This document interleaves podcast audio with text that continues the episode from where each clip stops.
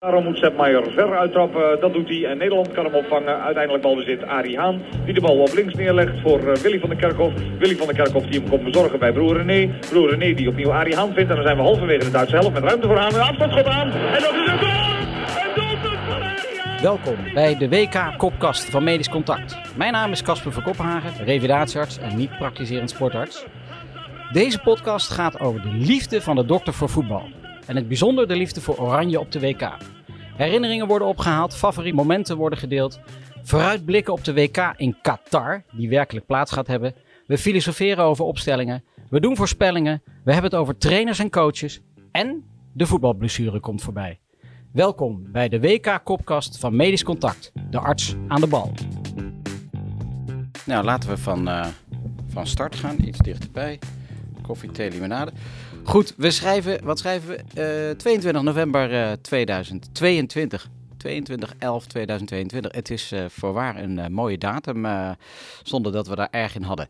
Welkom bij de vierde aflevering van WK Kopkast vanuit de Domus Medica in Utrecht. En bij mij vandaag wederom is in de studio Marijn Houwert, traumatoloog en opleider chirurgie uit het UMC Utrecht. Ja, Casper, met, met veel plezier wederom. Ja, nou ja, en we hebben een, uh, een drukke uitzending, want uh, we gaan natuurlijk de actualiteit kort bespreken, zoals dat hoort bij een WK Voetbal podcast. Uh, we gaan het hebben over coachen. Uh, Ancelotti versus Van Gaal komt uh, waarschijnlijk voorbij. We bellen met de bondsarts van de Oranje Leeuwinnen, uh, Bellen van der Meer. We maken contact met de clubarts van Club Brugge, dus medisch contact gaat, gaat de grens over. Clubarts van Club Brugge levert ongeveer acht spelers, dus het is echt geen klein clubje. Overwint het in de Champions League, by the way. Doet pijn, maar dat doen zij dus wel. En we bellen met Maarten Smalen, het orakel uit Fase, want laten we wel wezen, Marijn. Ja, maar daar moeten we even bij stilstaan. De man is een genie. ja, ja, Als jij in oktober al zegt dat Noppert gaat keepen. Ja. En, en ook nog een keer, want laten we, laten we ook eerlijk zijn. Noppert heeft goed gekiept gisteren. Zeker, zeker. Alle credits voor Maarten, vind ja. ik. Ja, nou zeker. En ik denk ook de, echt dat hij, waar, waar Rempel een direct lijntje heeft met, uh, met onze vriend Louis van Gaal. Maar de kop is eraf. Uh, want we hebben gisteren Oranje zien spelen. Uh, nadat we Qatar tegen Ecuador hadden zien hobbelen over het uh, veld. Ik weet niet of je alles hebt gevolgd. Want je, had een, uh, je hebt je wel voorbereid op deze dag, begrijp ik. Ja, ik, heb me ik, heb, ik heb me intensief voorbereid. Ik heb gisteren tussen drie kleine meisjes gepoogd voetbal te kijken. dat is gelukt. Ik denk, want we hebben natuurlijk gisteravond, wij bereiden dit voor, hebben we al zitten appen. Hmm. Maar het was een worsteling, toch Casper? Ja, de wedstrijd was een worsteling, ja. Ja, ja, ja. En ik moet eerlijk zeggen, uh, ik had een somber gesternte dit weekend te pakken. Want ik had even ter voorbereiding gehad, ik ga die FIFA Uncovered eens even kijken. Nou, je knapt er niet van op. Matthijs van Nieuwkerk kwam voorbij. Dus ik had echt een somber weekend. Ik dacht, ja, wat, wat gaan we eigenlijk doen? Hè? We hadden Sandra Meus hier laatst in de studio, moet je wel kijken. En dan legt ze die vraag heel gemeen terug bij ons dat wij moeten besluiten om te kijken. Nou, ik had het besluit genomen. Uh, dus alle problematiek, hè, de omkoopschandalen, corruptie met een hoofdletter C, politieke agenda. Gisteren Iran wat speelt, waar gewoon een, een, vreselijke oorlog aan de gang is, waar we het helemaal dagelijks niet over hebben. Uh, racisme, uh, One Love affaire, een aanvoerdersband die wel gedragen mag worden en uiteindelijk toch weer niet, want we krijgen een gele kaart. Het is te triest voor woorden. Dus ik was blij dat die bal ging rollen. Ja. En ja, toen was, het toch, uh, toen was het toch nog wat sombertjes op het veld, had ik het idee. Ja, het, het, het was eigenlijk uh, uh, worstelen. Um, waarbij het gekke is, kijk, Frenkie was natuurlijk... Wij zijn heel erg afhankelijk van Frenkie. We hebben twee verdettes. We hebben Louis van Gaal en we hebben Frenkie. Ja. en, en Noppert. ja, en ja. Noppert, dankzij Maarten. Dankzij ja. Maarten hebben we Andries Noppert. Ja. Maar um, als, als Frenkie zijn acties niet lukken, dan hebben we creatief wel een probleem. Ja. Dat blijkt. Dat ja. blijkt. En in die end is die toch, is die toch weer beslissend. Dus uh, altijd laten staan. Uh, hij mag eens een minder wedstrijdje spelen. We vergeven het hem. Um, dus Fre Frenkie viel tegen. Had je nog andere tegenvallers? Ja, en Matthijs. Ja, hè? ja. Matthijs was, was zorgelijk. Ja.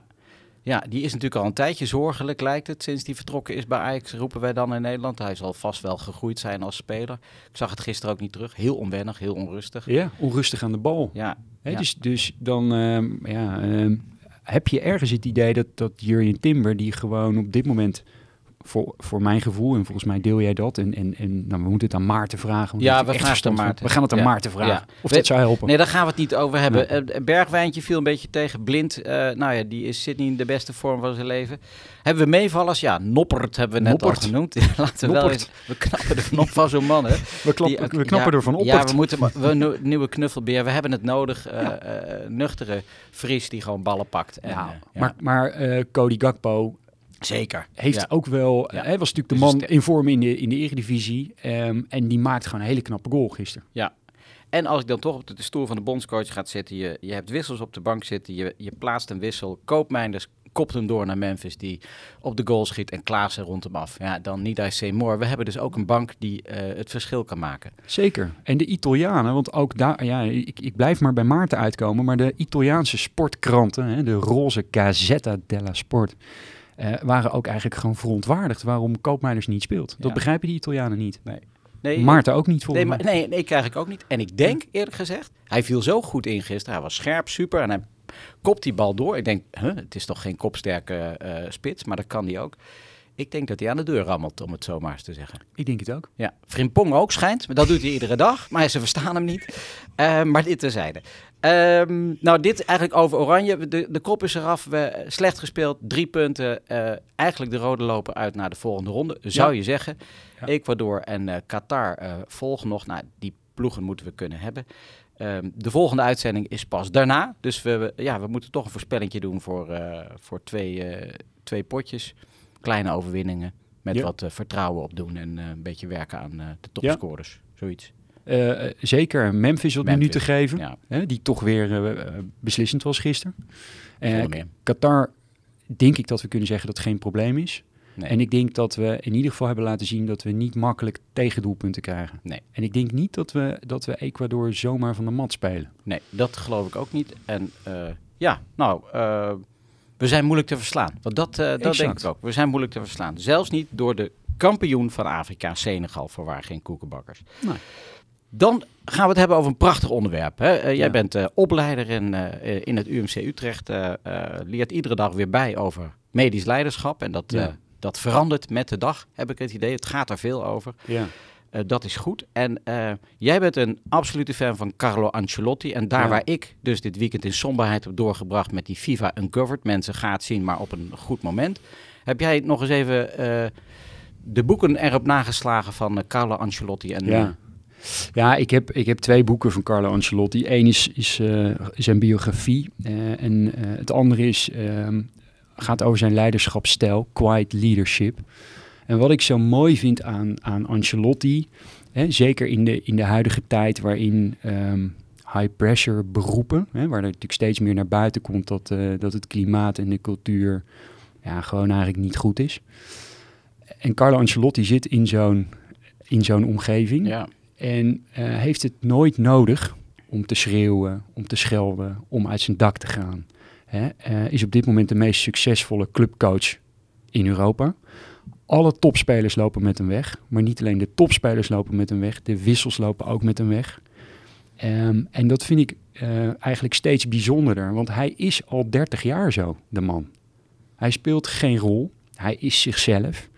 Hij heeft het niet nodig om mensen te kleineren. Hè? Als je dan, het, het, het is leuk als je dat, dat boek leest, is hij een beetje vilijn naar José Mourinho. Mhm. Die heeft hij natuurlijk opgevolgd bij, bij Real Madrid.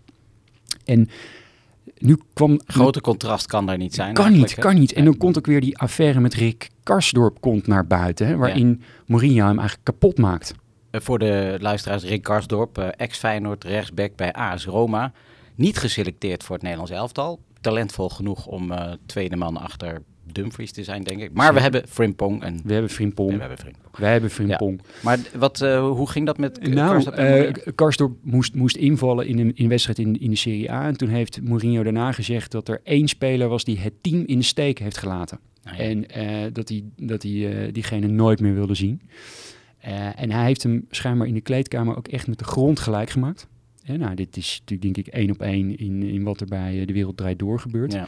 Er is verder niemand die daar wat van vindt. Er is één oude technisch directeur van, van Roma, eh, Sabatini, die gezegd heeft... van, "Hey, zo ga je volgens mij niet met, met spelers om. Karsdorp moest beveiligd worden. Hij heeft overwogen om terug te gaan naar Nederland. Ja. En ehm, het contrast met, met Carlo Ancelotti kan niet groter.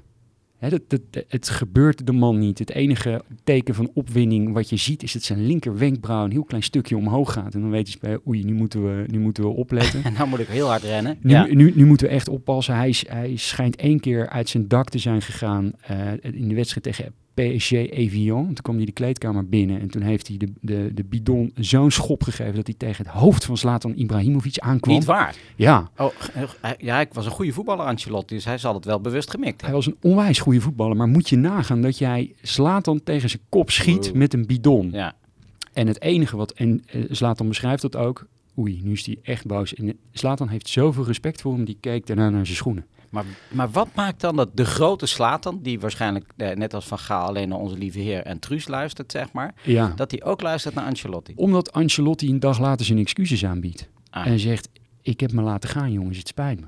Hè? En, en aan de andere kant ehm, eh, investeert in relaties met mensen om zich heen. Dat is wat hij continu doet. En dat zeggen al die, al die toppers ook. Van ja, weet je, hij is, hij is tactisch goed. Het is een Italiaan. Ja, Maar hij het steekt... klopt. Ja. Het, het klopt wat hij zegt. Het komt uit in de wedstrijd. Ja. Maar wat hem onderscheidt, is dat hij met iedereen in zijn omgeving en in zijn team een band aangaat. Ook met, met de wissels. Dus hij krijgt Sergio Ramos zover dat hij eh, op het middenveld gaat spelen terwijl hij zich oncomfortabel voelt. Mhm. Hij lijmt de relatie met Iker Casillas bij, bij eh, Real Madrid. Eh, die, die door Mourinho kapot was gemaakt. En Iker is natuurlijk een, een icoon in Madrid. Zeker. een Madrista, die, die is daar opgegroeid. En eh, Diego Lopez keepte. Hè? En, en hij krijgt het voor elkaar dat hij Iker laat keepen in de Champions League. En Diego Lopez in de, in, in de competitie. Dus hij kijkt continu, hoe krijg ik ieder individu op een optimaal niveau? Hè? En, en ja, dan weer als laatste, hè, eh, Ancelotti is, is 60 plus.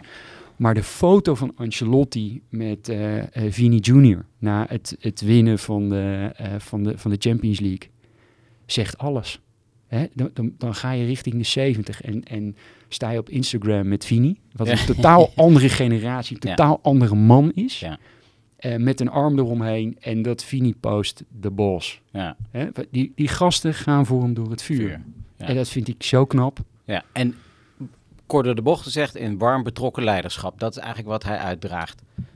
Hij, ehm, hij zet denk ik de mensen om zich heen op één. En hij zorgt ervoor dat ondanks de, de enorme druk waar die jongens onder staan, dat iedereen zich gewaardeerd en gesteund voelt. Nou, ik vind dat waanzinnig inspirerend. Ja. Nou, en, en waarschijnlijk een inspiratiebron voor je dagelijkse werk. Om, eh, Nou, ik, ik, ik, ik pretendeer eh, absoluut niet, sterker nog, hè, eh, not even close. Maar als je, als je dat leest en, en daarnaar kijkt, denk je van jeetje, dat is wel de, de stip op de horizon Ja. waar, waar je naartoe zou willen groeien. Nou, is het eh, het bruggetje naar de, de andere kant van het spectrum, Louis van Gaal, ehm, of niet? De, Mourinho is eigenlijk de andere kant van het spectrum. Ja. Maar Louis van Gaal, dat is onze ster, hè, daar zijn we over eens. Je, Ja. hebt, je hebt de film gekeken. Nou, ik, laat ik zo zeggen, ik, van de somberheid val ik dan ook altijd wat lastig in slaap. Maar met het beeld van de gebroeders de Boer op de achterbank, terwijl Louis aan het stuur zit. Nou, daar, daar met een grote glimlach, Oscar-waardig shot, hè, dat hij dat hij nog een keer aan de gebroeders Boer gaat uitleggen waarom we in, ons in 2002 niet hebben gekwalificeerd. Terwijl de broertjes Boer in de auto zijn gaan zitten om Louis nog eens uit te leggen waarom dat niet, dat het aan hem lag. Nou, Oscar-waardig stuk toch? Maar eh, jij hebt die film ook eh, gezien dit weekend. Eh, fenomeen natuurlijk, met ha- haken en ogen. Eh, Ja. En randen, eh, Ja. ongetwijfeld. En misschien meer tegen de wereld draait door aanschurkend dan wij eh, zouden willen. Ehm, hoe, hoe is jouw kijk op Louis? Nou, ik, ehm, het, het, het mooie is dit, dat ik natuurlijk ook een hoop van jou leer. Dus jij had me al gezegd van let nou eens even op dat shot van de, de boertjes. en het is, Ja. ze worden gedegradeerd tot kleine schooljongens. Ja, dat, ja maar dat ze dat hebben laten gebeuren vind ik ook is- fenomenaal. Het Maar- is ongelooflijk. Ja. Ehm, maar dat is kennelijk wat Van Gaal met, met mensen doet. Hè? Als je ziet hoe, hoe Edgar Davids, wat natuurlijk een, een rebel tot in zijn linkerteen is, Ja. hoe, die, hoe die met hem omgaat. Ja. Eh, maar ik vond misschien wel het leukste shot vond ik van, eh van Mounir El Hamdaoui. Ja. Hè, wat, wat, een, eh, wat een rebel was, een fantastische voetballer. Prachtig. Hè? Een, Ja. een, een rasvoetballer. En eh, die jongen speelt geen toneel.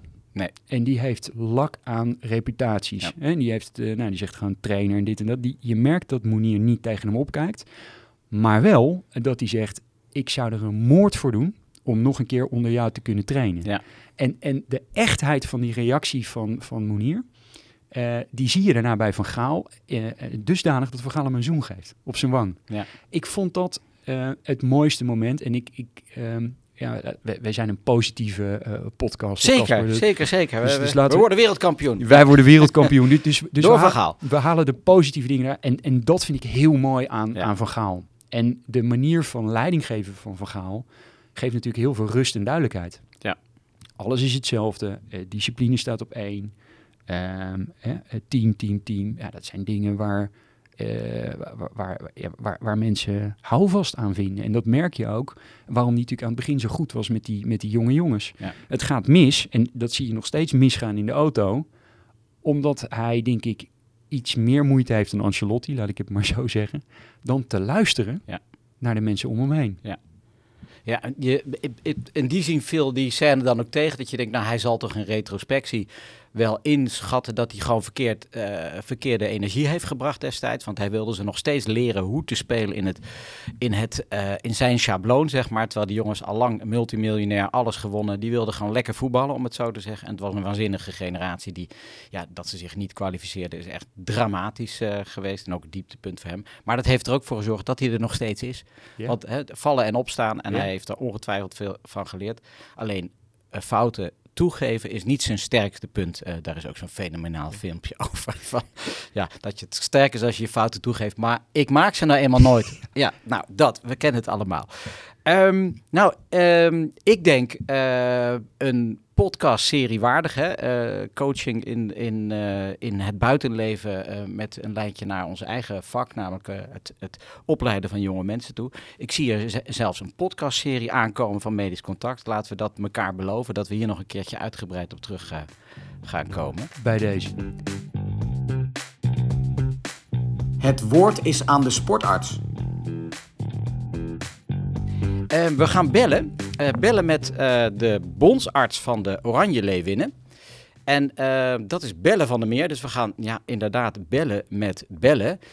Ehm, zij eh, draait op dit moment poli in het Sint-Antonius ziekenhuis. En ik moet nadrukkelijk zeggen in Utrecht. Want ik zeg altijd Nieuwegein, want ik ben van de old school. Daar heb ik mijn kooschappen gelopen. Maar Antonius ziekenhuis zit natuurlijk ook uitgebreid in Utrecht. En Bellen van der Meer is zo vriendelijk eh, om eh, tijd voor ons te maken, hoop ik, tussen twee patiënten door. Bellen? Bellen, je spreekt met eh, Casper van Koppenhagen uit de WK Kopkast. Goedemorgen. Goedemorgen. En bij mij in de studio is Marijn Houwer, traumatoloog uit het UMC Utrecht. Kennen jullie elkaar? Ehm, nee. Eigenlijk niet, denk ik. Bij deze. Ik, lees, ik, ik ken wel de, de, de columns van Marijn, maar ik ken hem niet persoonlijk. Hoi bellen, goedemorgen. Goedemorgen. Ja, nou je roem eh eh, schrijft zich weer voort, eh, zeg maar, die, eh, die roem van de blogger. Wie schrijft, die blijft. Bellen. Ehm, ik eh, ik bel met jou omdat ik het ook wel goed vind dat er wat ruimte komt voor, eh, voor de vrouwelijke kant in het, eh, in het medisch leiderschap. En zeker als het over voetballen gaat. Ehm, maar we beginnen altijd met, wat is jouw favoriete WK-moment? Ehm, ik heb een heel recent favoriet eh, WK-moment. En eh, dat is het eh, WK voetbal vrouwen in 2019. Eh de finale in Frankrijk, in Lyon, op 7 juli. Regerend wereldkampioen de Verenigde Staten tegen Nederland. Europees kampioen uit 2017. Ehm, een, ja, een WK voetbalvrouwen in Frankrijk, vlakbij Nederland. Veel Nederlandse supporters, maar ook wereldwijd veel aandacht. En ehm, helaas een teleurstellend resultaat. Ja. Maar de ambiance van het hele WK eh, en de beleving eh, vond ik een uitermate mooi, eh, mooi moment. En zeker bij aanvang van de, van de finale, bij de volksliederen. eh, ja, mooi om te zien waar deze topsporters voor gewerkt hebben. Ja, en jij zat daar op de bank bellen. Ja, dat klopt. Ja. Toch, toch denk ik ook wel een beetje trots te wezen, toch? Of is dat dan, druk je dat helemaal weg, professioneel en we doen ons pakje aan Ehm, en ons werk? Um, in eerste instantie zit je daar wel gewoon professioneel dat je er bent voor de, voor de speelsters hè, als het nodig is. Uh, maar wel trots dat ze het uh, tot de finale ja, gebracht hebben en daar staan. Uh, dus nou, uiteraard natuurlijk ook gewoon trots op, uh, op, op het team, op de speelsters, zeker. Ja, ja. Mag ik wat vragen bellen? Want als we het nou over, over leiders hebben, Sarina Wiegman is een, een klasse apart, toch? Uh, ja, coach. uitermate goede coach, maar dat heeft ze bewezen. Hè? Europees ja. kampioen met, uh, met Nederland en nu recent uh, afgelopen zomer Europees kampioen met Engeland. Um, dus ja, een, een, een, een, mooi, mooi mens en een goede coach. En nou ja, die spelers, speelsters goed kan, ja, goed kan aanspreken in de zin van een team goed kan laten voetballen.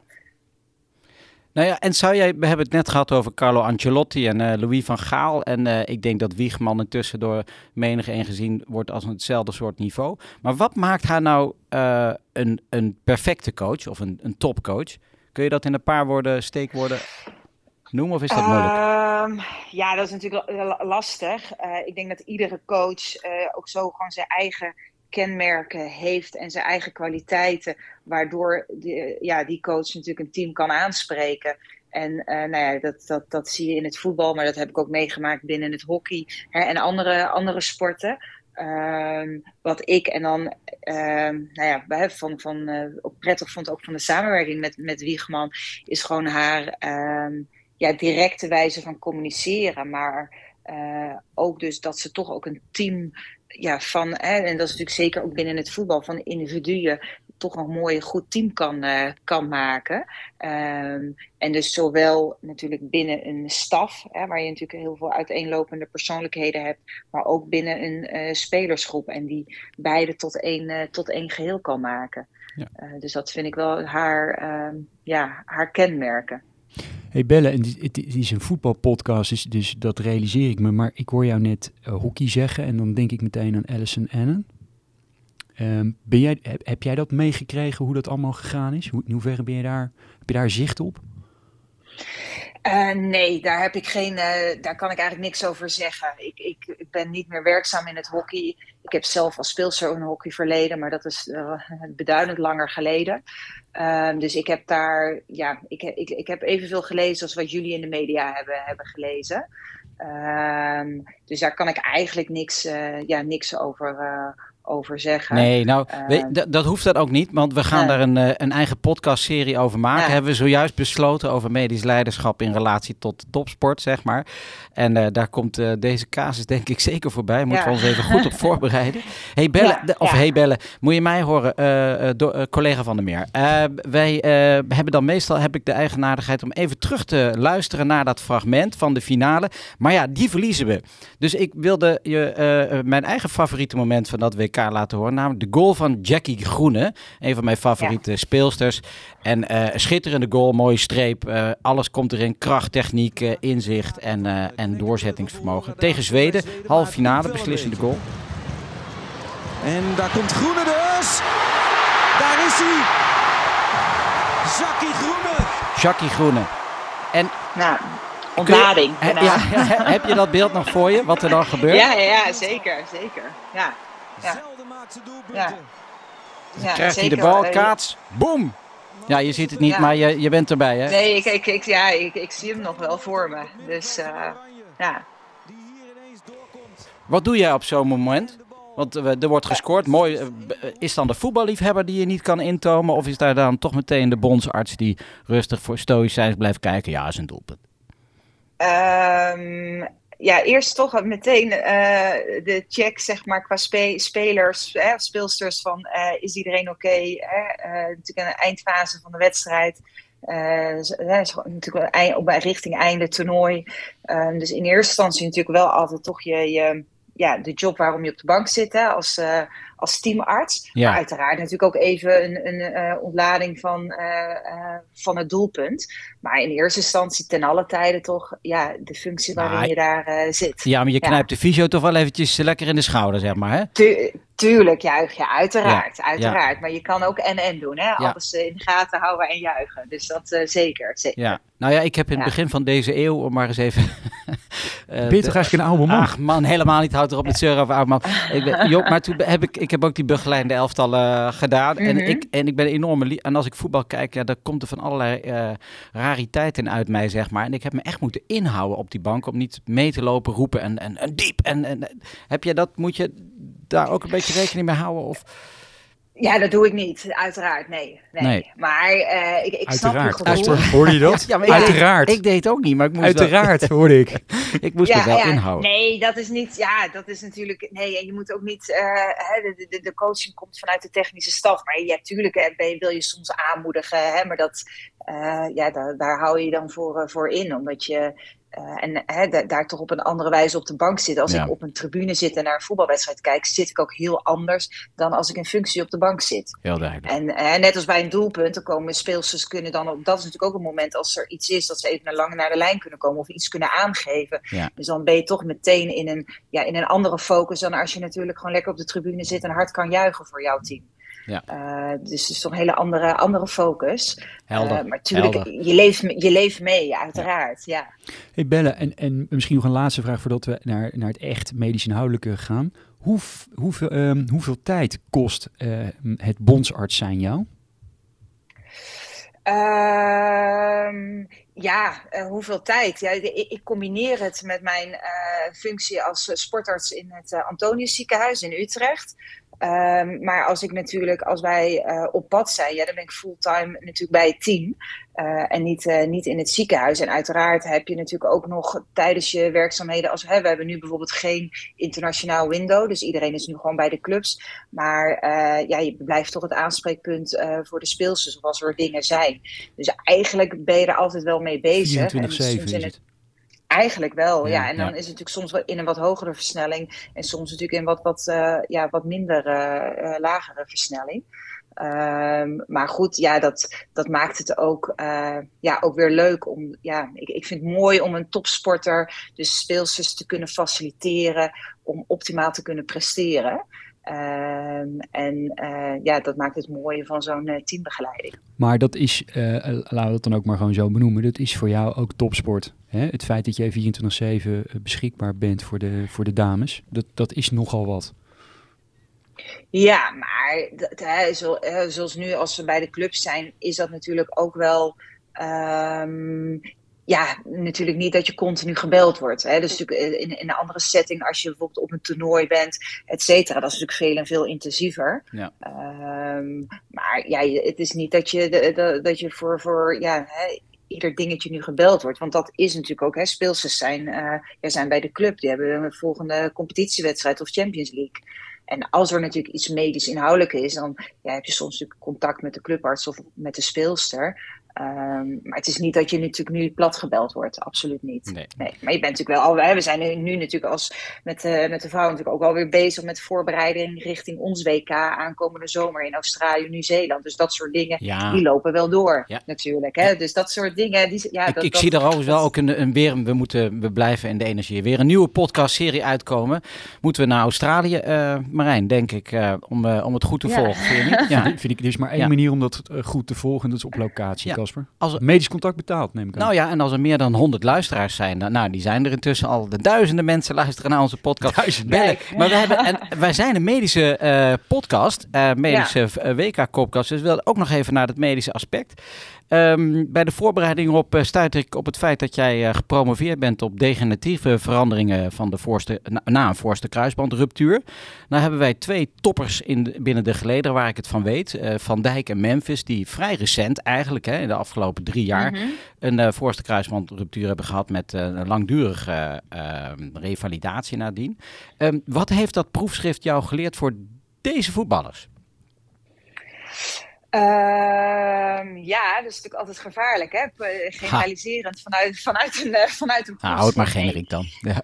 Ja, nee, nee, kijk, wat, wat, eh, ik heb echt naar vroege degeneratieve veranderingen gekeken. En dat is natuurlijk wel een studie uit 2015, waar we nu overigens bezig zijn met een follow-up eh, die van de patiënten die dus nu al op meer dan 10 jaar na een forse kruisband zitten.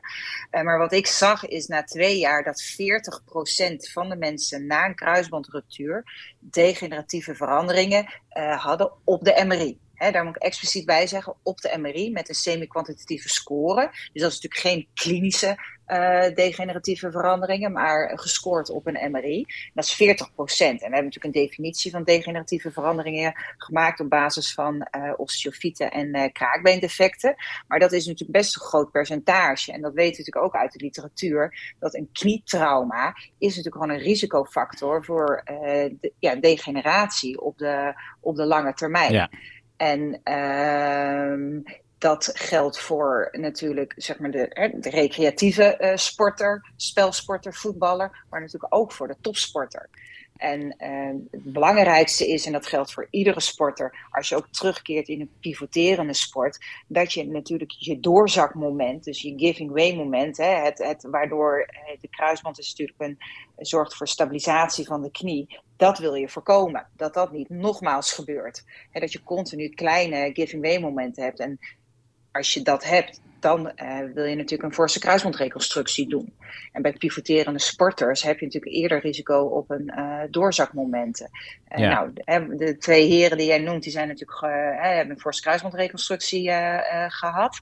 Ehm, en ja, daarin is het natuurlijk gewoon belangrijk dat zij natuurlijk aan criteria hebben voldaan. En ik ken hun revalidaties niet, maar dat ze natuurlijk gewoon um, en qua kracht en alles goed op orde hebben uh, als ze weer op het, uh, op het veld staan. Maar daar zit natuurlijk enorme goede begeleiding op in die revalidatiefase. Maar de lange termijn, ja, we weten dat er een groot percentage eerdere degeneratieve veranderingen hebben. Ja, toch? Helaas. ja, de, en de kans dat ze uiteindelijk een, to, uh, een, totale knieprothese moeten ondergaan, lijkt mij hè, over 30, 40 jaar groter dan voor de gemiddelde Nederlander. Of ga ik daar wat kort door de bocht? Uh, relatief kort door de bocht, want uh, artrose heeft ook nog andere, hè, ja. andere, andere hè, nog andere risicofactoren, ja. um, hè, die dan niks met de knietrauma te maken hebben. Maar deze mannen hebben een knietrauma doorgemaakt, dus die hebben een verhoogd risico ja, op artrose en op wat voor termijn. Hè. Bij sommigen ontstaat dat eerder dan bij anderen. En daar vindt natuurlijk heden te dagen nog steeds heel veel onderzoek naar plaats. Van, uh, hè, en ook wat is nou de beste timing voor een reconstructie? Um, en um, nou ja, hè, op die manier wil je natuurlijk uiteindelijk gaan zorgen dat je dat percentage van degeneratie natuurlijk zo laag mogelijk houdt. Of dat je dat kan stoppen. Ja. Bij, nog, bij nog, deze letsels. Ja, nog even voor mij, hè, want er staat uh, zo'n acht, negen maanden, zeggen we uh, al heel lang, zeggen we over het herstel van de voorste kruisbandruptuur met uh, met een, nieuwe band, als het ware. En mijn stelling altijd is dat die topsporters, echt die absolute top, die herstellen in alles sneller dan, uh, die doen alles beter en sneller dan de gemiddelde Nederlander. Maar ook zij moeten die tijd doorstaan. Waarom is dat eigenlijk? Uh, nou ja, allereerst om in te gaan op hè, dat de topsporter sneller herstelt met heel veel blessures. Dus denk ik tweeledig. A, basisfitheid is natuurlijk hoog van de topsporter. Ja. En uh, nou ja, dat is natuurlijk ook een mooie link. Rehabilitatie, daar zal Marijn ook veel van uh, mee te maken hebben, is natuurlijk uh, nu ook een belangrijk item geworden. En dat is natuurlijk ook de reden als iemand fit is, zal iemand ook beter herstellen van, uh, van een operatie. Maar dat geldt natuurlijk ook voor een topsporter. Als een topsporter fit is en raakt geblesseerd, is natuurlijk het herstelvermogen beter. Daarnaast zit er natuurlijk een enorme goede begeleiding bij de topsporters, waardoor je natuurlijk ook heel goed actief kan revalideren. Hè, uh, jij en ik moeten, uh, wij spreken eerst gewoon overdag werken en kunnen dan misschien s'avonds nog eventjes wat oefeningetjes doen voor ons herstel. Ja. Als we een blessure hebben. Nou, die topsporters zijn daar natuurlijk de hele dag mee bezig, waardoor je dat natuurlijk ook beter kan, uh, kan begeleiden. Uh, nou ja, bij een uh, kruisband, na een kruisbandreconstructie is het ook van belang, want je, je reconstrueert de, de kruisband en afhankelijk van welke techniek je ge, gebruikt. Maar daar moet natuurlijk ook botingroei, nou, als je een hamstring graft gebruikt, ehm, moet dat ook zeg maar weer zich opnieuw gaan in de knie als het ware gaan herstellen. Dat is niet meteen een ligament wat uh, de volgende dag als het ware weer even sterk is als je oude kruisband. Hè, je, je biologische kruisband. Ja. Um, en dat weten we gewoon ook uit onderzoeken, dat uh, die tijd voor herstel echt noodzakelijk is um, om ook je re-ruptuur te verkleinen. Uh, alhoewel mensen die eenmaal een kruisband gescheurd hebben, hebben ook een hogere kans op een re-ruptuur van de uh, ipsilaterale of contra contralaterale zijde. Uh, en vandaar dat zeg maar, hè, optimale krachtsverhouding, links-rechts verschil, dat is belangrijk. nou, er moet hè, zo aan heel veel criteria voldaan worden voordat je zegt: oké, iemand is um, return to play voor in, in, zijn of haar sport. Ja. Nou, Belle, je kan nog uren hierover doorpraten. Ja, merk je. bent echt een expert op dit gebied. Hè. Laten we wel wezen dat, en die ontwikkeling heb ik dan meegemaakt vanuit de sportgeneeskunde, waar ik al uh, decennia geleden bij betrokken was. Ik, uh, ik voel me steeds ouder worden, maar... Ik zei niks. Uh, ja, zei niks. En, Dacht het alleen. Ja, ongekende toename in het wetenschappelijk domein. waarvoor dank. Ehm, we gaan het afronden, want jij moet weer terug naar daar waar het daadwerkelijk om gaat, namelijk om de patiënt. mag ik je danken? En ja, mochten we nog behoefte hebben de komende weken om je te bellen, mag ik je dan nog een keer bellen? Uiteraard, zeker. erg leuke podcast, dus ik wens jullie ook heel veel plezier. En uh, ja, alle luisteraars ook. Ik ga zeker ook uh, weer verder luisteren. Oké, okay. bellen, bellen, van der Meer, bondsarts van de Oranje Leeuwinnen. Dankjewel. Ja, bellen, dank. Goed. Dag, hoi. Nou, we zijn weer helemaal bij over uh, de voorste kruisbandproblematiek en, en met name het herstel daarvan. Um, ja, en ook even bij de Oranje Le Leeuwinnen, daar gaat het helemaal niet over dit toernooi, nee. maar ja... Ja, maar ik, ik ben het helemaal met je eens. Uh, en misschien moet ik hier dan wel helemaal niet zitten. Maar moet jij op zoek naar, uh, naar een vrouwelijke co-host? Want er moet natuurlijk ook een, een WK-kopkast ja. komen in, voor Australië. Ja, nee, maar de uh, volgende uh, aflevering zit ik met twee jonge vrouwelijke voetbalsters. Zo eind 20, uh, begin 30 van de Utrecht Studentenvereniging Odysseus 91. Die club die ik ooit heb opgericht. Ik zeggen, dat, dat klinkt ja, bekend. Ja, klinkt bekend. En dat is ook niet geheel toevallig, maar die hebben zich aangeboden. Dus we, we, gaan, we gaan ook aan dat deel aandacht besteden. En dat is meteen het mooie bruggetje naar mijn grote vriend Maarten Smalen, ja. orakel uit we moeten het helaas kort houden met hem. En we gaan kijken of hij al uh, belbaar is. Want ook hij zit natuurlijk belangrijke zaken te doen. Um, en ik heb hem de specifieke opdracht uh, gegeven om even na te denken over, uh, ja, over de komende wedstrijden. Maar we mogen hem toch ook wel even wat... Mogen, mogen we hem feliciteren? Uh, dat weet ik niet. Ja, het, hij, hij heeft die bal niet uit de onder, onder, nah, onderhoek gehaald. Het voelt een beetje als zijn redding. ja, ja, en Koopmeiners komt er toch in. We gaan het even proberen. Rond tien, zei hij. Het kan zijn dat hij nog net even een uh, huisbezoekje heeft. Hè. Zo doen die uh, dokterstad ja. op de Veluwe. Bellen met Maarten, het orakel uit Fasen.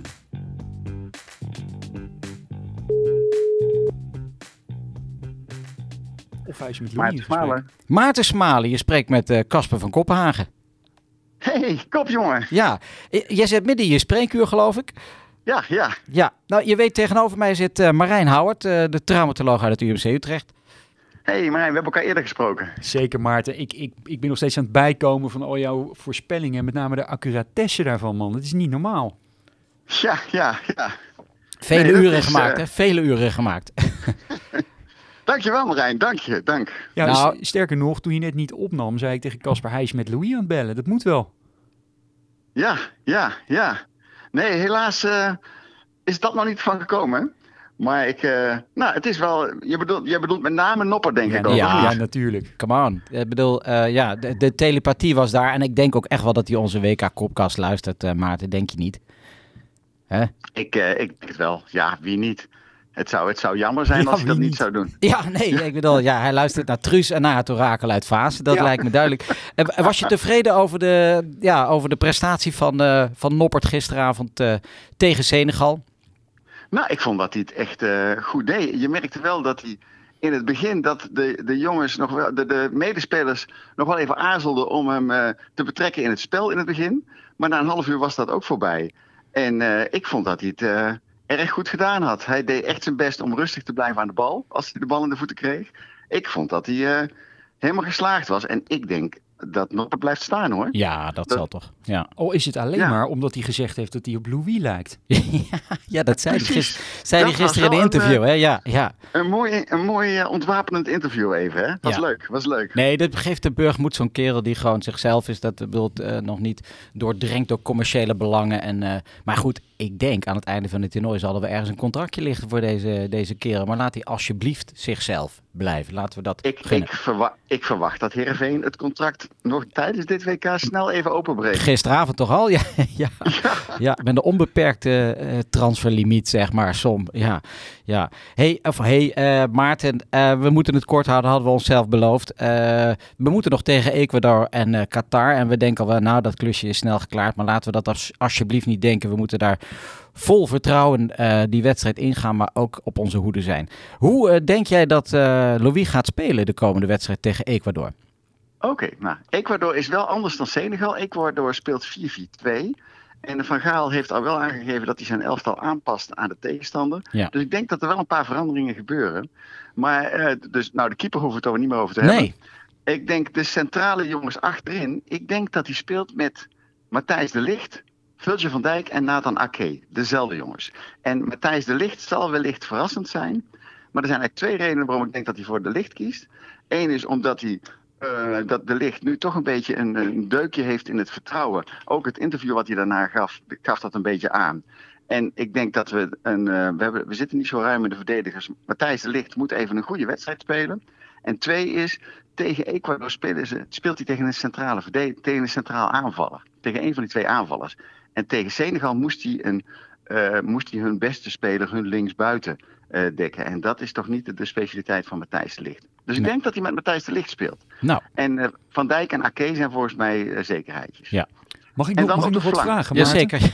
ja, Maarten. Maarten, Maarten. Hoe bang ben jij voor Ener Valencia? Niet. Niet. Nee. Ik denk dat hij. eh, Klusje voor dat toch? Die, dat die jongens aan de flank, met name die Plata aan de zijkant, dat dat, dat, dat een groter gevaar is. Die Valencia is wel een goede jongen die, die nu gescoord heeft. En dat is misschien ook wel een van de redenen waarom Matthijs de Licht speelt. In plaats van bijvoorbeeld een jongen die wat minder goed in koppen is. Omdat die Valencia, die, dat is wel echt een spits. Dus daar kan, ik denk dat Matthijs de Licht daar, dat hij die, eh, dat hij die in zijn zak heeft. Oké, nou fijn dat je zo vol vertrouwen over de licht, want we hadden hem al eh, licht eh, op, de bank, op het bankje laten zitten. Eh, op de flanken verandert daar nog iets? Dumfries? Ja, Dumfries niet. Dumfries niet. Maar ik denk dat hij, omdat we tegen 4-4-2 spelen en hij past zich aan, hun rechtsvoor is Plata. En Plata is een links, volgens mij een linksbenige, be- snelle, behendige jongen. En dat is nou net de tegenstander waar ik denk van dat hij dan Malasia kan gebruiken. Ja. Dus ik denk dat hij links met Malasia gaat spelen. Oké. En eh, centraal op het middenveld denk ik dat je naast Frenkie de Jong iemand moet hebben. Frenkie de Jong moest het in zijn eentje een beetje opknappen gisteravond. Dus ik denk dat hij, eh, dat hij met Teun Koopmeiners gaat spelen naast Frenkie de Jong. Ja, nou ja, ik En denk, dan- als ik wat Ja. maar zeg, we werden een, eh, een, grote periode, een lange periode, werden we overlopen op het middenveld gisteren. Dat mogen we toch gewoon zeggen. Gakpo, Berghuis, de Jong was te veel voetbal. Koopmeiners viel fantastisch in. Ja, ik ben, Ja, eh, ik ben ja. voor Koopmeiners. Ja. Ik en, ook. Dan, en dan, ja, nou, dan zijn we eruit. En Dan nou, de drie eruit. voorop, de drie voorop. De drie voorop. Ik, het hangt een beetje vanaf of Depay speelt. Maar ik denk dat Memphis wil, zo graag wil dat tegen hem gezegd wordt... vooruit, je mag 60 minuten spelen. Dat denk ik dat gezegd wordt. Dus En ik denk dat hij dan, eh, dat, dat hij dan speelt met Davy Klaassen. Davy Klaassen is eh, volgens Van Gaal de koning van het druk zetten. En de centrale jongens achterin bij Ecuador, zeker die, rechts die rechtscentrale verdediger Torres, is aan de bal een erg matige speler. En ik denk dat zij eh, met Davy Klaassen iemand hebben die als koning van het druk zetten bij balbezit tegenstander een hele belangrijke rol gaat krijgen. Dus ik zou daar met Davy Klaassen gaan spelen. Oké. En dan, en dan voorin zou ik, eh, tenminste, ik denk dat Van Gaal dat doet. Ja. En dan voorin Memphis. En eh, ja, ik denk dat hij niet meer om eh Gapco heen gaat, dit toernooi. Want Nee. daar is hij zo'n fan van. De Gakpo, Dus- Gakpo, Memphis en Klaassen voorop. Frenkie de Jong eh, ondersteund door Koopmeiners. Eh Terro Malasia. Malasia links en, eh, en de licht toch op, op het veld. Maarten, Maarten. Ja. eh, ehm, ik heb eh, op, natuurlijk eh, op, op uitdrukkelijk verzoek van Casper doe ik mijn huiswerk voordat ik hier aanschuif. Dus ik heb gisteren de documentaire over Louis van Gaal gekeken. En daarin zegt hij dat Daley Blind zijn voetbalzoon is. Ja, Ja, Ja. Weegt dat nog mee? ja zeker. En, en, nou ja, en zijn vader is natuurlijk assistentcoach. Dus er is wel een soort van driehoek daar waarbij Blind een belangrijke rol speelt. Maar ik denk zelf dat hij er verstandig aan doet om Blind nu toch een wedstrijd niet te laten spelen. Ze spelen elke vier, wedstrijden, vier dagen een wedstrijd. En Blind heeft toch wat minder gespeeld. Dus ik, ik, ik denk dat je hem weer tegen, uh, tegen Qatar zal hij hem weer opstellen, verwacht ik. Maar ik, ik, ik zou denk ik, ik denk dat hij ervoor kiest om Blind een wedstrijd rust te geven. En dan wetende dat als hij tegen Plata komt, want die jongens van Ecuador, die staan in balbezit eigenlijk met z'n vier op één lijn. Die twee centrale aanvallers plus die buitenspelers. Dus die Dumfries en Malaysia, die zullen behoorlijk teruggedrongen worden in balbezit tegenstander. En dan, als daar, dan, dan heb je toch meer, denk ik, aan blind, of aan Malaysia dan aan blind. Dus, en ik denk dat wat jij zegt, dat het zijn, uh, zijn voetbalzoon is, ik denk dat dat juist een reden is om hem nu niet op te stellen. Hij beschermt zijn zoon. Hij beschermt zijn zoon. Ja, ja. Maarten, uh, om onszelf te beschermen, want we wilden het kort houden, maar we zitten toch alweer op de, op de acht minuten. Het kan ook niet, want oh, zoveel wijsheid. Maar uh, we gaan het volgen. Helaas kan ik je pas na de groepswedstrijden weer terugbellen, of we moeten toch nog een extra uitzending inlassen. Uh, maar tot die tijd, we appen en we bellen en uh, je houdt ons buiten de uitzending ook op de hoogte. En bedankt weer voor je tijd, Maarten. Ja, Marijn en Koppen, nog veel plezier. Dank je wel weer. Ciao Maarten. Hoi. Hoi. Um, dat brengt ons tot nou, het volgende item, want uh, de pot WK Kopkast gaat internationaal, om het zo te zeggen. Ik heb contact gezocht met uh, uh, vrienden uit België. Van, weet jij nou een, een, een dokter die zo'n voetballiefhebber is, dat hij ook over de grens een woordje kan praten? En toen kwam ik in contact met Bruno van Hekken. En ehm, Bruno van Hekken is clubarts van Club Brugge is clubarts van Club Brugge, sportarts van beroep.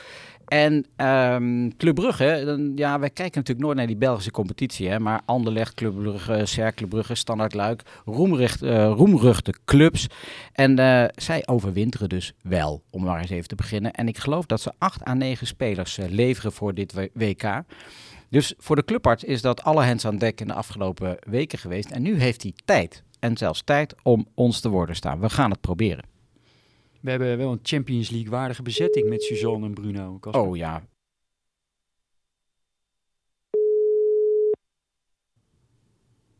Dit is natuurlijk wel lastig. Je bent verbonden met, met een mailbox van 0, Ik bel je binnen twee. Oké, nou dan... Uh, dat is goed, daar kunnen we ja, natuurlijk even op wachten. Ja, kunnen we even op wachten, ja. Wij wachten op, de, ja. op, op Champions League dokters, Casper. Ja. Dat is ons lot, denk ik. Nou ja, kijk, ja, zolang wij zelf niet in die Champions League spelen en aanhaken, ja, is het duidelijk. Hè? Als ons, wij zitten even op het bankje, om wij het zo maar te zeggen. Hij zit op het bankje, heel rustig. Maar het straalt natuurlijk wel op deze, op deze WK-kopkast af. Daar straalt het zeker op af. Al deze, al deze sterren ja. in witte jas. Ja, in witte jas, niet ja. in witte jas. Ja, hij gaat over Bruno van Hekken. Bruno van Hekken, je spreekt met Casper van Kopenhagen, revalidatiearts en sportarts uit Nederland. Dag Casper. Ja, en je bent, uh, in, ja, je bent in de studio hoorbaar uh, op de Domus Medica in Utrecht. En bij mij in de studio is Marijn Howard, traumatoloog uit het UMC Utrecht. Dag Bruno. Fantastisch. Dag Marijn. Hallo, hallo. Bruno, wat fijn dat je tijd voor ons hebt uh, kunnen maken tussen je drukte patiëntencliëntelen door. Ik heb jou aangekondigd als uh, sportarts en clubarts van uh, Club Brugge. Dat klopt, inderdaad. Dat, dat klopt, is, inderdaad, ja. En jullie zijn behoorlijk aanwezig op het WK, heb je mij in de voorbereiding verteld. We zijn inderdaad aanwezig. Zowel ja, bij het Nederlandse elftal hebben we, hebben we ook een, een jongster rondlopen, Noah Lang. Die, die gisteren, denk ik wel, ja, heeft 90 minuten op de bank plaatsgevat om jullie jullie naar de eerste zegen te zien. Te zien uh, ja, heb je, heb je gekeken of... Uh... Ik heb een samenvatting gezien. Heel goed, heel verstandig. heel verstandig. Ja, ja. ja het, was, het was niet best, uh, Bruno. Maar even iets over die Noah Lang, want die ken jij goed. En je mag daar natuurlijk niet alles over zeggen. Uh, denk je dat hij een rol kan spelen tijdens dit WK? Ik denk het wel. Ik denk wel dat, dat hij... Oké, okay, hij, is, hij is invaller, dat is heel duidelijk. Maar um, ik denk wel dat Louis van Gaal hem mm, ja, tamelijk.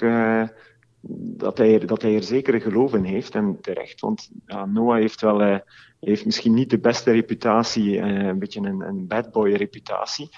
Maar ehm, het, is eigenlijk, het is best een leuke jongen. En hij, heeft, naar mijn, naar mijn mening, Noah kan iets wat heel weinig spelers kunnen. Hij kan uit het niets een, een wedstrijd openbreken. En, ja, misschien, misschien zal dat niet is het Nederlandse elftal zo sterk dat ze dat niet nodig hebben. Maar ik kan vermoeden nou. dat hij, dat, hem wel eens als super sub zal gebruiken. Ja. En terecht. Ja, Daar geloof uh, ik wel in. Le leuk dat je dat zo zegt, uh, uh, Bruno. Ik, ik hoop het ook. Um, even een vraag over de stemming in België. De stemming in België. Over het uh, Belgische elftal dan, vermoed ik. Nou ja, kijk, ja, we hebben natuurlijk de afgelopen jaren bij afwezigheid van onze, onze mannen hebben we onze pijlen op uh, Belgen gezet. En uh, dat is soms uh, goed gegaan. De laatste WK waren jullie fantastisch. Hè? Hadden jullie ook gewoon zomaar kunnen winnen. Maar hoe is dat nu? Want we, het is natuurlijk een beetje de generatie al de wereld, Vertongen, Vermalen, Hazard. Hazard ja. Die wat ja. ouder, de sleet zit er wat op. Maar vertel. Ja, inderdaad. De, de stemming onder het publiek, onder, onder de Belgen hier, is, is eerder lauw. We verwachten eigenlijk weinig of niks van, uh, van onze Rode Duivels. Wat eh, zeker een tegenstelling is tot, uh, tot het vorige WK in, in Rusland, waar we ja, wel fantastisch gepresteerd hadden en, en ja. misschien zeker. wel de finale hadden kunnen, kunnen halen als, als de Fransen ons niet met, met hun negatieve spellen hadden, hadden afgeblokt. Maar, um, maar ja, we, ja, we moeten toegeven dat heel wat spelers over hun top zijn. We hebben natuurlijk nog een aantal absolute toppers. De Bruyne, Courtois, die, die mannen kunnen, kunnen, wel, uh, kunnen wel nog schitteren. Maar ja, dan hebben we Lukaku. Maar Lukaku is, is ja, sinds oktober heeft hij geen... Uh, sinds uh, augustus heeft hij eigenlijk met moeite nog een wedstrijd gespeeld. Dus we weten, het is een beetje gissen of die in tijdig in vorm geraakt. Ja. Volgens de pers zou het wel lukken voor de laatste matchen. Maar, maar bon maar jullie eh, spelen vandaag tegen... Oh. Uh, morgen, morgen, tegen Canada. Canada, hè? Ja. Zou je zeggen appeltje, en, eitje. En speelt Lukaku dan, of zit hij op de bank of doet hij, zit hij op de tribune? Nee, die, die gaat op de tribune zitten. Aha. Dus die, uh, en uh, Canada, ik, ja, toevallig hebben we twee Canadezen die, uh, die bij Club Brugge spelen. Waarvan één heel, heel, ja, onze snelste speler eigenlijk, qua, oh. qua Buchanan heet hij, een flankspeler. Talentrijke jongen. Die, ja, ik vrees er wel een beetje voor dat hij onze verdediging kan pijn doen. Want uh, vermeldde het al, Vertongen, Alderwereld, Vermalen, die is gestopt. Die is wel mee als, als hulpcoach nu. Oh ja, dat had ik uh, leuk. Ja. Maar, uh, maar die, zijn, ja, die zijn niet meer, niet meer de snelste en niet meer de meest wendbare spelers. Nee. Want Canada zit en, goed in de snelheid, hè Bruno? Met ook ja. onze vriend uit, uit München. Uit, ja, uit München, Davis. Hè? Ja, Davis, ja ja, die, die blijkbaar wel net speelklaar geraakt voor morgen, want die was ook wat twijfelachtig. Aha. Maar ik, ja, ik vrees er een beetje voor. Ik denk zelfs dat de, voor de Belgen, ja, we hebben Canada, we hebben dan uh, zondag uh, Marokko, waar toch ook Hakimi die in vorm zit, Ziyech, die jullie wel kennen van, ja. die ook een, uh, ja, toch ja, vinnige spelers zijn en dan hebben we nog Kroatië. En die Kroaten zijn misschien ook een beetje over de top wel, maar... maar... Tweede van de wereld, ja. Het is eigenlijk ja, de pool ja. des doods, als je het nog even zo... Uh, als we, wij Nederlanders zijn er altijd goed in om alles de pool des doods te noemen. Wij zijn nu niet in de pool des doods. Nee, maar, die maar zit wel denk, Kroatië, België. Die is levensgevaarlijk. Canada. Poeh. Ja, ja Marokko, ja. Dat Marokko. zijn, zijn, zijn Dark Horse. absoluut... Uh, ja. Ja, er zit geen Qatar tussen, want uh, nee. ik denk dat jullie die wel zullen. Maar die zullen mogen, we, mogen we niet verliezen. Maar de stemming is dus uh, wat gematigd. Uh, dat is die denk ik voor ons ook naar jullie. Maar we, ik ga wel zeker op Kevin de Bruyne letten. Ik hoop echt dat hij tot bloei komt. Het brengt mij naar jouw favoriete, of eigenlijk jouw, jouw eerste WK-herinnering. Want we nemen ruim de tijd voor jou als Belgische gast. neem ons mee naar jouw eerste vruchtenvolle moment op de WK. Mijn eerste WK-herinnering was, voor, ah, was voor, uh, voor wij als Belgen wel heel vreugdevol. Ik vrees een beetje dat jullie misschien wat uh, met de minder positieve gevoelens zullen terugkijken op dat moment. Maar Zal het een Nederland-België zijn, mensen? Ja. Het is een, ja. het is een Nederland, of een België-Nederland. Ik ga terug naar 94, naar uh, het WK in, in de US, waar we in de groep zaten met Nederland. was in de groepsfase. En voor ons, want jullie hadden toen een generatie die wel ietsje hoger aangeschreven stond als, als die van ons. Um, Maar voor ons was de, de, de, derby der lage landen op dat moment wel de absolute topmatch. En ik weet niet of, de, of jullie herinneringen nog, nog tot daar gaan, maar we hebben we hebben jullie daar lekker te pakken gehad met een, met een 1-0 zege. Ja, Philippe Albert. Uh, in een, ja, Philippe Albert inderdaad, op een hoekschop. Onze, onze centrale verdediger, niet onze topscorer alleszins, nee. maar die nam jullie, ja, ja, ik herinner me Danny, uh, het was ja, blind hè? Nee, nee Wouters. Ik, ik, weet je, ik, ik, ik, ga, ja. ik ga onszelf en de, de, de luisteraars even helpen. Marijn, je hebt waarschijnlijk die wedstrijd niet op je netvlies uh, gebrand. Jij was in 94. Zeker wel. Ik heb die oh. wedstrijd gekeken in, in Londen met mijn vader. Aha. Nou, dan dat deed je, pijn. Dat deed pijn. Ja. En het was een wedstrijd, het was snikheet uh, in Florida, uh, ergens. Uh, volgens ja, mij. Orlando was het, denk ik. Orlando, ja. ja. En Hoor je hem? Oh! Bergkamp, Hens van de Wolf! Oh! Hens van de Wolf! Overmars van die afwijk. Natuurlijk Hens van de Wolf! Pakken, natuurlijk. Dat is de oppergod vandaag. Natuurlijk raakte de Wolf de bal bij de hand. Kijk maar, de Vrijzen. Dat is het! Dat is het! Dat is het! Ik wist het! Ik wist het! Oranje. Met de fenomenale Rick de Sadeleer. Rick de Sadeleer, ja, absoluut. Ja, ja, ik krijg nog kippenvel als ik het hoor nu. Ja, ik ook. Ik ook. En, en, en, ik heb voor, de, ja, voor het gemak en voor de toeschouwers, voor de luisteraars, nog eens even een ruime samenvatting van deze wedstrijd gezien. Want ik herinner hem vooral als de wedstrijd van Prudhomme. Ja, en, dat was ook het WK waar Prudhomme als, als beste keeper van de wereld verkozen werd. Ja. En dankzij die match, ongetwijfeld. Ja. en, en als je de samenvatting terug, uh, terug uh, kijkt, dan uh, hebben wij veel kansen gehad, maar de Belgen ook heel veel kansen. Dus misschien was het helemaal niet onterecht. Het was een hele vreemde goal, want Wouter stond bij de paal en die moet gewoon even die bal tegenhouden. Maar die ging door zijn kromme poten heen. Hij probeerde met rechts, waar hij met links. Het was heel ongemakkelijk, maar het was snikheet. Koeman was in de eerste helft heel slecht echt heel slecht. Want die was ook al in een, in een, in een serieuze vormcrisis geraakt bij Barcelona. Hem, hebben we hem net in het... Ja. Uh, ja, nee, maar in de tweede helft herstelt hij zich. En er zit een moment bij. En dat vind ik het moment van, uh, van de wedstrijd. Dan speelt hij hem strak in, zoals Koeman dat kan, op uh, Bergkamp. Bergkamp neemt hem fantastisch aan. Wipt hem op. En volleert hem naar de bovenhoek. Nou, en in 99 van de 100 keren was dat de doelpunt van het toernooi geworden. Maar uh, we hadden geen rekening gehouden met de fenomenale Michel de Prudhomme, die hem uit de bovenhoek ranzelt, als het ware. Nou, ik, uh, ik vond het fijn om weer even terug uh, te kijken. Het is natuurlijk pijnlijk, die 1-0. Maar het heeft ons niet belet om de volgende ronde te halen, omdat we soeverein wonnen van Saudi-Arabië met 2-1 door een doelpunt van een kopdoelpunt van Gaston Tament. De enige keer dat hij met zijn hoofd tegen een bal aangelopen is. Um, en hoe is, hoe is het toernooi voor jullie afgelopen? Dat weet ik natuurlijk, maar.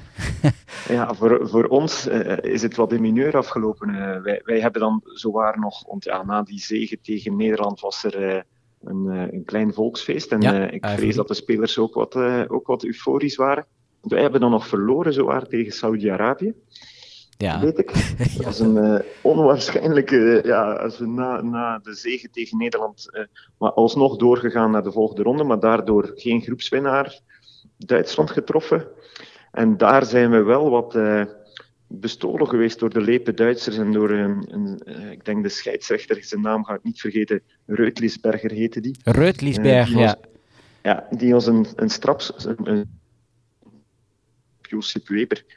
Ja. En ja, daardoor kantelt die wedstrijd, Vuller scoort en ja, ja, kantelt die wet. Ja, die heb ik ook nog even voor je teruggekeken. En jullie hadden inderdaad Josip Weber in de spits. Vreselijk lelijke spits, als ik zo vrij mag zijn. Oh, de, de lijn viel even weg. De lijn viel even weg. Je bent weer goed te horen. Uh, dat ja. valt natuurlijk altijd op het moment dat het over arbitrage gaat. Uh, de FIFA grijpt meteen in. Hè, want uh, ja, het doelpunt werd om onbegrijpelijke, of die, die penalty werd om onbegrijpelijke reden niet gegeven. Duitsland met Fuller en Klinsman in de gelederen. schitterend elftal natuurlijk ook. Maar jullie hadden daar meer uit kunnen halen. wij werden uitgeschakeld door Brazilië. Branco. Branco. Ook, ook 3-2. Um, had ook zomaar eens anders af kunnen lopen. Maar het zo geschieden. Dat brengt ons naar, uh, naar jouw favoriete moment aller tijden. En dat is was, wat recenter, begrijp ik. Dat is, dat is wat recenter, ja. Dat is natuurlijk onze historische WK in, in, in Rusland in 2018. Een, een, een recenter moment.